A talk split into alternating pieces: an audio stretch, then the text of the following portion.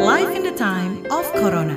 banyak orang di dunia ini masih membutuhkan energi positif. Jadi jangan habis-habiskan waktumu untuk menyebarkan energi negatif. Jangan jalan sendirian. Ini bukan saatnya untuk kita senggol-senggolan dan saling menjatuhkan orang lain, tapi ini adalah saatnya di mana kita memang butuh bergandengan dan jalan sama-sama. Pandemi Corona COVID-19 mengubah banyak banget aspek kehidupan kita mulai dari kenalan dengan istilah baru, melakukan kebiasaan baru, beraktivitas secara online dan juga lain sebagainya. Semua ini demi memastikan kita semua hidup sehat dan podcast ini juga membantu kita menavigasi hidup dengan tips-tips sederhana, termasuk soal cara bersenang-senang dan menikmati hiburan. Life in the time of Corona. Halo, kita ketemu lagi di podcast Live in the Time of Corona. Saya Ines Nirmala. Kali ini kita ngebahas topik seputar siasat seniman bertransformasi di tengah pandemi. Dan sekarang saya sudah bersama Maria Trisulistiani, seniman dan juga founder Peppermoon Puppet Theater. Halo, Mbak Ria. Halo, hai hai Mbak Ines. Halo teman-teman semua. Hai, selamat datang di podcast Live in the Time of Corona. Terima kasih sudah mengundang ya. Senang iya, sekali. seneng banget deh Mbak Ria bisa bergabung dan kita ini ngomongin seputar COVID-19 yang pastinya Mbak Ria sebagai seorang seniman yang biasanya touring ke berbagai belahan dunia gitu ya. Ini pasti bikin dampak yang besar juga ya sama show dari Ya. Peppermoon Puppet Theater ini. Kayak Mm-mm. gimana sih Mbak dampaknya COVID-19 ini sama kehidupanmu sebagai seorang seniman? Menarik ya, menarik sekali benda tidak berwujud ini mengubah banyak hal di dunia gitu. Jadi aku mau cerita sedikit. Jadi waktu bulan Februari kemarin kebetulan Peppermoon itu sempet pentas di Jepang, Mbak gitu. Jadi bulan Februari akhir kami baru balik Maret awal. Itu tuh di Hmm. Jepang sudah mulai be- banyak acara besar itu mulai dibatalkan. Terus semua penonton yang datang waktu itu ke pentas Peppermoon pakai masker. Mm-mm. Tapi kami berangkat kan COVID-19 belum sampai di Indonesia dengan sebegitu hebohnya ya. Waktu kami pulang ya thanks God kami pulang tepat waktu jadi nggak pakai karantina-karantina waktu itu masih open aja. Terus kami karantina mandiri di rumah selama dua minggu. Jadi itu itu adalah tour terakhir yang kami lakukan di awal Maret gitu. Tepat sebelum banyak negara di lockdown. Harusnya tahun ini memang Peppermoon itu banyak sekali tour. Jadi kalau aku kasih istilah tuh kalender kami tuh udah warna-warni gitu di Iya. akhir tahun kemarin tuh 2020 full color gitu tiba-tiba sekarang putih semua. ya maksudnya kerasanya sih sedikit-sedikit karena gini, waktu kami pulang dari Jepang, oke masih tour ya ke Jepang. Teman-teman di sini lagi ngerjain satu project besar yang harusnya kami berangkat ke Belanda dan semua set dan props itu mau dikirim duluan di shipping tuh di bulan Maret kalau nggak salah. Nah jadi di bulan Maret tuh adalah bulan yang penuh dengan ketidakpastian kayak di Belanda iya atau nggak jadi apa nggak kami mau ngirim atau nggak gitu. Sampai akhirnya kami memutuskan kayak kita nggak berani untuk traveling ke luar negeri tahun ini, jadi kami drop project itu gitu. Jadi dikit-dikit gitu pelan-pelan. Kok ini batal ya? Oh ini nggak jadi ya? Oh ini batal ya? jadi kayak bertahap, nggak yang ler gitu Iya rasanya. iya iya iya iya.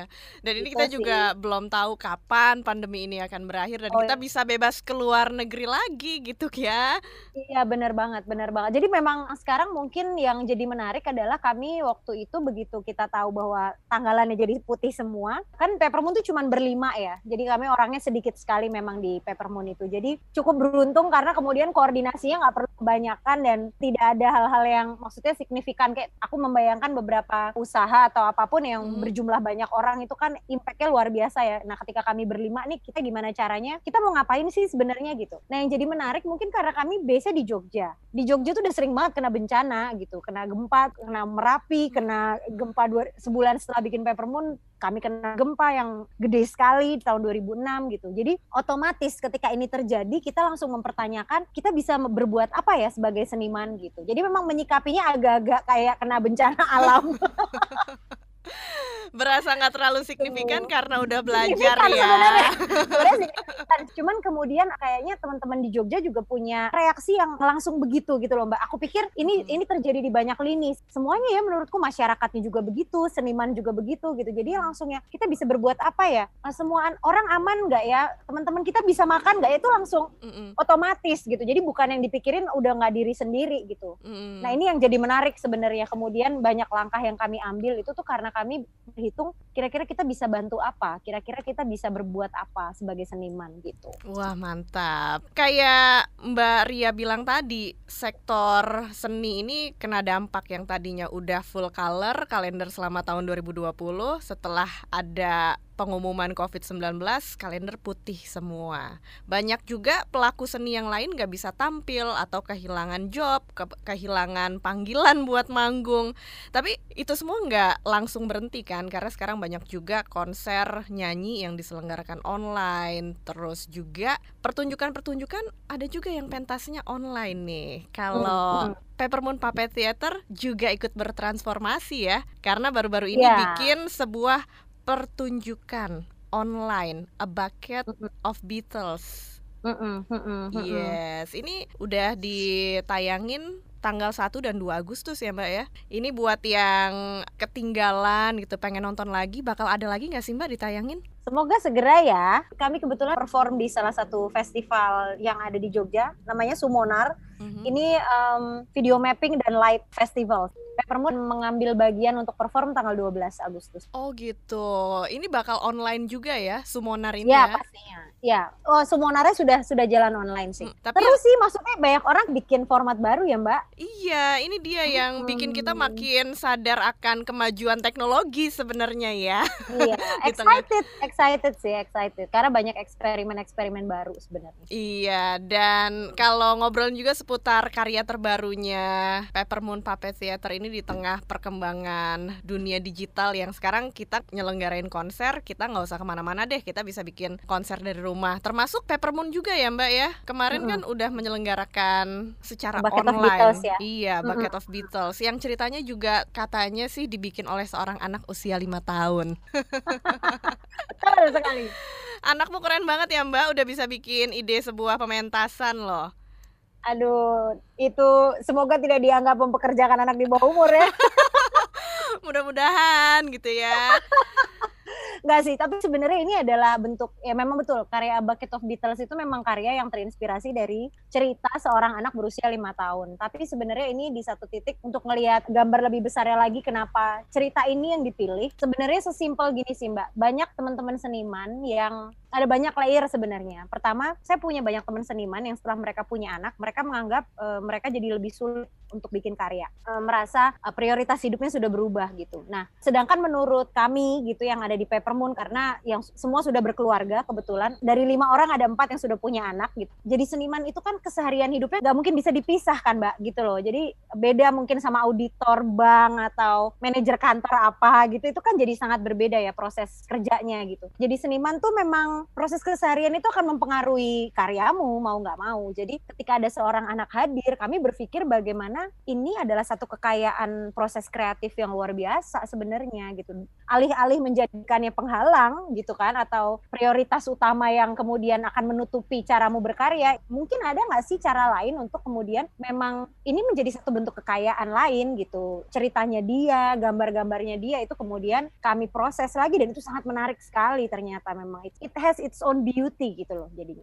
Tapi nyelenggarain performance secara online beda nggak Mm-mm. sih sama nyelenggarain yang offline gitu beneran ada panggungnya gitu. Ribet-ribetnya beda Nah. nggak tuh Mbak? sebenarnya gini kalau kalau di A Bucket of Beatles kemarin karena kami memang eh, bikin setnya tetap malah lebih brutal sih kalau menurutku ya karena kalau biasanya kami perform live itu kan eh, kita biasanya desain dari awal itu karya itu harus bisa touring ke mana-mana jadi semua set harus bisa knockdown dan masuk koper. Jadi semua sistem itu tuh memang artistiknya berbeda lah. Nah yang kemarin itu tuh kayak karena kita ini dipol-polin semua. Terus yang pertama kita punya komitmen kita nggak bakalan beli material apa pun kali ini. Jadi kita cuma pakai material yang ada di sekitar kita. Kebetulan Peppermoon itu tuh studionya di tengah hutan kecil. Jadi kami punya banyak banget ada ranting-ranting apa daun-daun. Nah, itu kalau kita tur ke luar negeri itu nggak mungkin ke bawah dong. Nggak mungkin kita pakai bikin Iya. set pakai pohon kan iya gitu loh pohon-pohon kering. Jadi akhirnya itu yang kami pakai. Jadi justru apa yang kami pikir tidak mungkin dilakukan dengan performance live itu yang kemudian kami hadirkan di karya yang terbaru kemarin gitu. Wah. Kalau ribetnya, ribet-ribetnya ya, ya dua-duanya punya keribetan masing-masing, punya stres tingkat stres yang masing-masing. Aku pikir nggak bisa dibandingin juga gitu. Dan pilihan untuk kemudian kemarin memilih pacar merah sebagai partner kami dengan eh, pakai formatnya Google Meet kan kemarin gitu itu juga karena kami ingin menjaga interaktivitas, keintiman itu tetap bisa terjalin dengan penonton. Oh gitu. Nah kalau penontonnya sendiri lewat online, gimana nih kalau ngelihat antusiasmenya? Kalau offline gitu kan kita bisa ngelihat penonton yang Ya. tercengang, penonton tepuk Ya. tangan. Kalau Ya, iya. offline gimana nih melihat antusiasme penonton? Ah, sebenarnya gini, yang jadi menarik adalah karena tiketnya kebetulan dijual ya Mbak. Kemarin kami nggak pentas gratis, jadi Mhm. memang sistem tiketing ada yang tiket reguler orang beli tiket dengan uang atau sistem barter. Jadi untuk mereka yang keberatan membeli dengan uang seharga sekian, mereka bisa barter dengan apa pun yang mereka punya dan mereka mau gitu. Itu di luar dugaan karena banyak banget pertunjukan online selama ini mungkin banyaknya kan gratis ya. Di luar dugaan dalam tiga hari semua tiketnya terjual habis, eh, dibeli oleh orang-orang dari seluruh penjuru dunia. Jadi nggak cuma dari Indonesia doang. Di Indonesia aja itu tuh juga dari pulau dari pulau-pulau lain di luar Jawa. Jadi saya ngelihat kami melihat bahwa ini adalah satu bentuk potensi yang luar biasa yang dimiliki oleh pertunjukan online sebenarnya.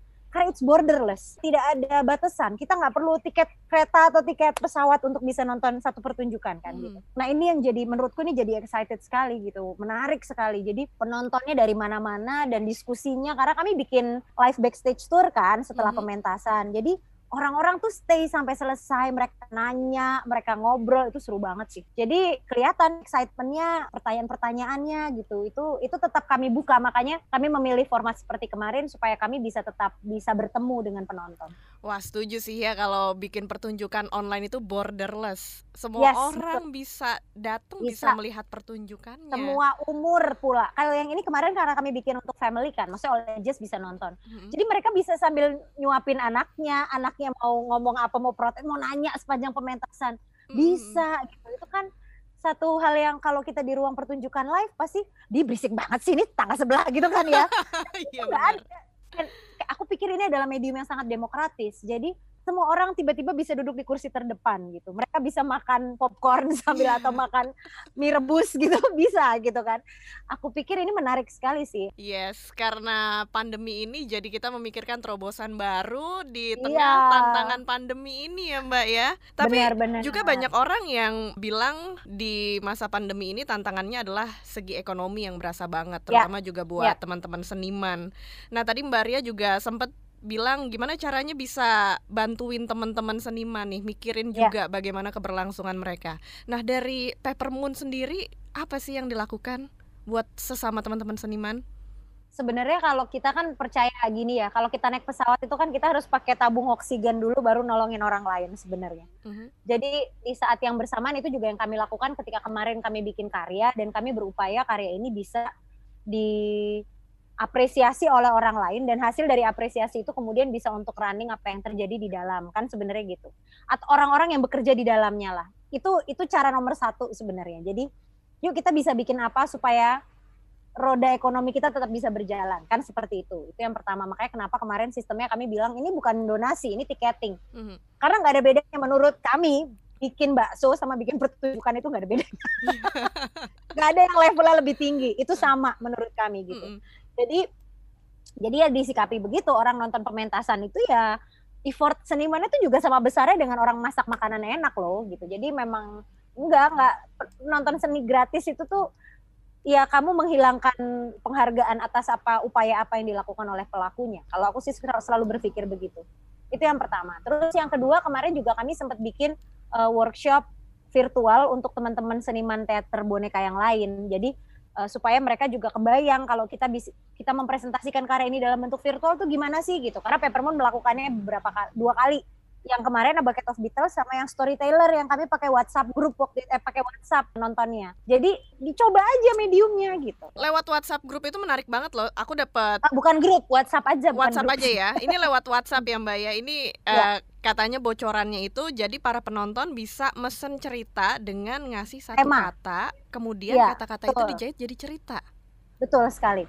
Itu terjadi tuh awal banget, Mbak. Jadi itu malah, aduh, awal-awal banget itu awal-awal April apa ya kalau nggak salah ya. Jadi waktu itu kami berpikir apa yang bisa kita lakukan ya gitu. Ketika semua orang di rumah, terus mungkin mereka butuh sesuatu untuk cheer them up gitu atau atau kami selalu percaya kalau energi positif itu adalah imunitas nomor satu gitu dan tugas seni ada di situ sebenarnya untuk menjaga energi positif itu tuh juga sekarang tugas seni gitu atau potensi dari seni menurut aku. Nah akhirnya waktu itu kita berpikir kita memang punya project storyteller ini udah lama banget tapi gimana caranya ketika kita mengganti mediumnya dari live jadi digital gitu kan. Ya benar, tadi kita bikin publikasi orang beli tiket, satu tiket itu mereka bisa kasih satu tema gitu. So, nanti kami akan jahit 3 sampai 4 tema untuk dijadikan satu bentuk pementasan kecil pendek. Kami rekam, hasil rekamannya kita kirim lewat WhatsApp. Wah, menarik banget ya. Bayangin banyak banget, Mbak. Waduh, bikin pentasnya sampai Jadi berapa banyak itu cerita yang masuk dari WhatsApp? Ada ada 219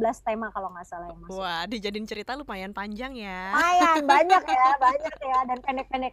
Tapi asiknya karena kemudian lagi-lagi itu borderless. Hmm. Kamu nggak perlu internet yang terlalu tinggi untuk menikmati sebuah pertunjukan pendek dari Peppermoon misalnya. Dan kamu bisa request temamu sendiri. Ada yang minta dibikinin untuk hadiah kakaknya. Itu lucu-lucu banget sih. Maksudnya Oh, gitu. Ada cerita yang didedikasikan buat orang lain juga ya di situ ya. Iya, betul, betul. Jadi ada yang menyikapi itu seperti ingin memberi hadiah, itu juga ada. Iya, tapi Mbak kamu sendiri sebagai seniman di tengah pandemi ini walaupun banyak jadwal yang di cancel ngerasa perlu nggak sih buat gue harus tetap produktif nih selama di rumah aja gitu. Nah, masalah itu nggak muncul sebagai keharusan, itu tuh muncul begitu saja. Mungkin gini, masa pandemi ini ada efeknya beda-beda buat banyak orang ya, Mbak. Ada yang ngedrop banget, ada yang nggak bisa nggak bisa ngelihat jalan terang di depan sama sekali. Itu juga aku menemukan orang-orang dengan eh, efek seperti itu. Ada yang memang kolaps habis bener-bener karena memang kondisi eksternal dia memang hancur gitu misalnya. Tapi ada juga yang kayak gas-gasan kayak nggak punya udel gitu. Nah, kayaknya aku yang yang terakhir. Jadi aku dan teman-teman Peppermoon itu kok ya kebetulan kayak kita tuh ngeliat mungkin karena selama ini kami sering pergi-pergi kan dan ketika dikasih kesempatan lama di rumah itu kayak idenya malah mencelat-mencelat itu loh yang kayak bikin ini bikin itu bikin ini bikin itu bikin ini bikin itu gitu. Jadi bahkan bersama temen kayak bikin apa ya oh kamu bisa bikin ini eh kita bikin ini yuk gitu. Jadi idenya jadi banyak banget dan itu bukan karena keharusan tapi otomatis. Otomatis keluar sendiri banyak ide-ide untuk pementasan selanjutnya. bahkan mungkin ekonomi tidak dihitung nomor satu gitu. Jadi Hmm. memang sekarang kayaknya eh, banyak potensi kreatif bermunculan itu tuh karena kayak kita tiba-tiba punya kesempatan untuk tidak diburu-buru waktu, untuk tidak ada target apa pun. Bener banget tuh Mbak ya. Tapi kalau dari Peppermoon sendiri ada kreativitas lain nggak yang udah disiapin ke depannya setelah ini? Kami bulan Oktober nih punya satu festival teater boneka internasional, namanya Pesta Boneka gitu, dan ini bentuknya akan tentu saja akan berubah format dari yang tadinya live bikin di desa, didatangi ribuan orang, ini semua akan jadi formatnya digital. Mhm. uh, atau virtual. Jadi ya kami sedang menyiapkan itu sih sekarang gitu. Dan tentu ada banyak ada banyak banget project-project di depan yang so excited. Wah, dan nggak semuanya tentang boneka, ada ten- tentang Nggak, tanaman nggak. juga ya, Mbak Ria ya. Aku lagi berada di kedai kebun. Ini satu art space di Jogja yang ada tuh di bawah sana. Nah kami lagi nyiapin. Aku lagi membantu teman-teman di kedai kebun untuk menyiapkan format baru dari restoran mereka dan space ini. Jadi ada toko tanamannya. Wah, keren banget deh ya.